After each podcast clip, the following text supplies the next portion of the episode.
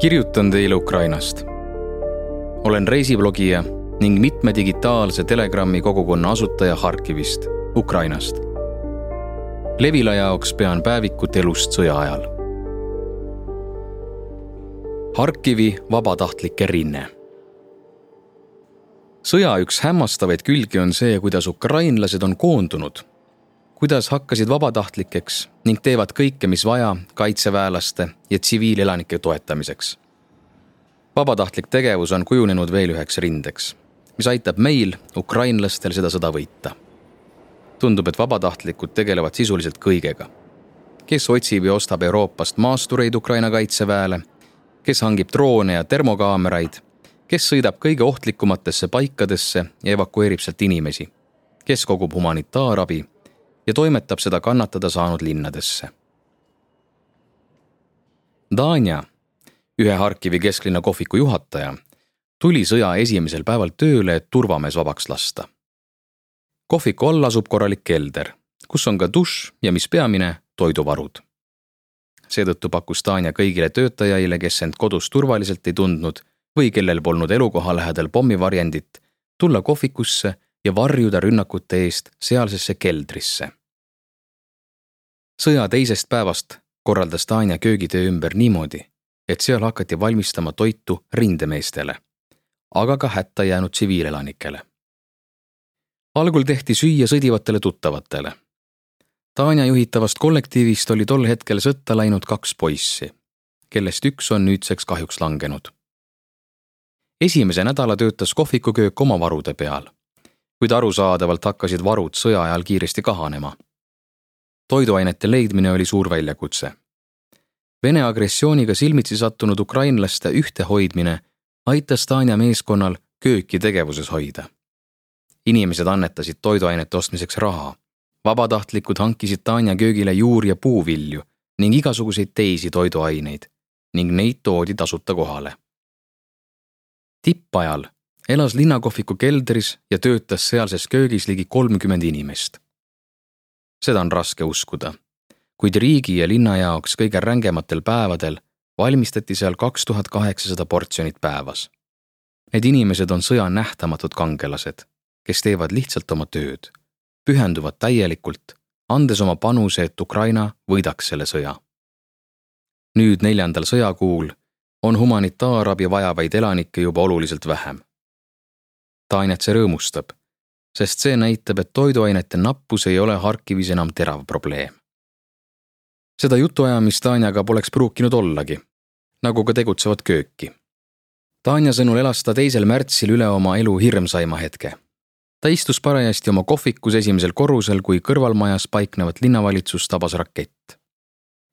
Tanja sai lööklainega pihta ja mattus klaasikildude alla päästis vaid see, et ta oli istunud mitte otse akna vastas, vaid teisel pool seina, mis oli hoobi enda peale võtnud. Tanja käel oli sügav lõikehaav, kuid ta sidus selle lihtsalt kinni. õhtuks sai aga selgeks, et haav on arvatust tõsisem ja nõuab õmblemist. see oli tol hetkel keeruline ülesanne, sest sõja algul oli Harkivis üsna võimatu leida arsti, kes suutnuks haava kinni õmmelda. appi tulid vabatahtlikud Tanja juurde tuli kaitseväes meedikuna tegutsev neiu. sellistel hetkedel näed eriti hästi, kui suurt ala kõikvõimalikes sfäärides katavad vabatahtlikud. kui oluline on aidata sõja ajal teisi neis valdkondades, kus sul on kompetentsi ja võimalust aidata. Tanja, kes oskab köögitööd juhtida, paneb käima toidu tootmise. aga neiu, kes tunneb taktikalist meditsiini, on suuteline haava kinni õmblema, sõidab kohale ja õmbleb haava kinni. Neil hetkedel mõistad sõna inimlikkus sügavust. üks selle sõja põhilisi hirme on see, et sa ei tea, kuhu ja millal rakett kukub. ei karda mitte niivõrd rakette, kuivõrd seda, et need võtavad elu su lähedastelt ja sõpradelt. sedamööda, kuidas elu on hakanud Harkivisse pisitasa naasma, jäävad annetused vabatahtlike tegevusele väiksemaks Tanja astus väga julge sammu. avas sõja ajal oma ettevõtte. jah, paljud enne sõda tegutsenud kohvikud ja restoranid on oma uksed taas avanud. kuid Tanja äri oli Harkivis esimene, mis alustas tegevust sõja ajal.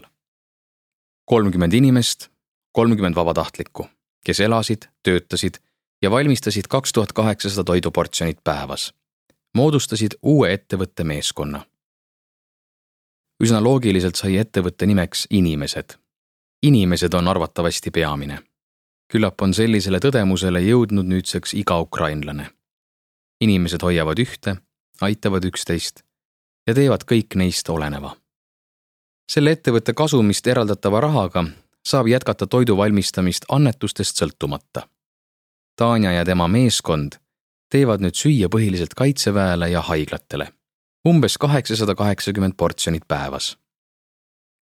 seda on muidugi raske uskuda, et linnas, mida tabavad iga päev tulerünnakud ning Vene väed seisavad sealt kõigest neljakümne kilomeetri kaugusel, julgeb keegi äri alustada. säärane samm nõuab julgust, kuid põhilised on siiski idee ja selle äri taga seisvad inimesed ning tundub, et julgus on see, mis meid, ukrainlasi, iseloomustab. julgus aitas meil vastu hakata ja mitte moraalselt murduda, kui Vene armee Ukrainale kallale tungis. meil oli julgus taluda iga päev raketirünnakuid. on julgust sõja ajal ärisid püsti panna, on julgust armastada ja armuda. julgus on see, mis lähendab meid iga päev võidule sõjas Venemaaga. autor Taras Kovaltšuk, tõlkija Veronika Einberg, toimetaja Iisa Laan. audiolugu loeb Karmo Nigula. salvestus, helikujundus Janek Murd. originaalmuusika Konstantin Tsõbulevski. Levila kaks tuhat kakskümmend kaks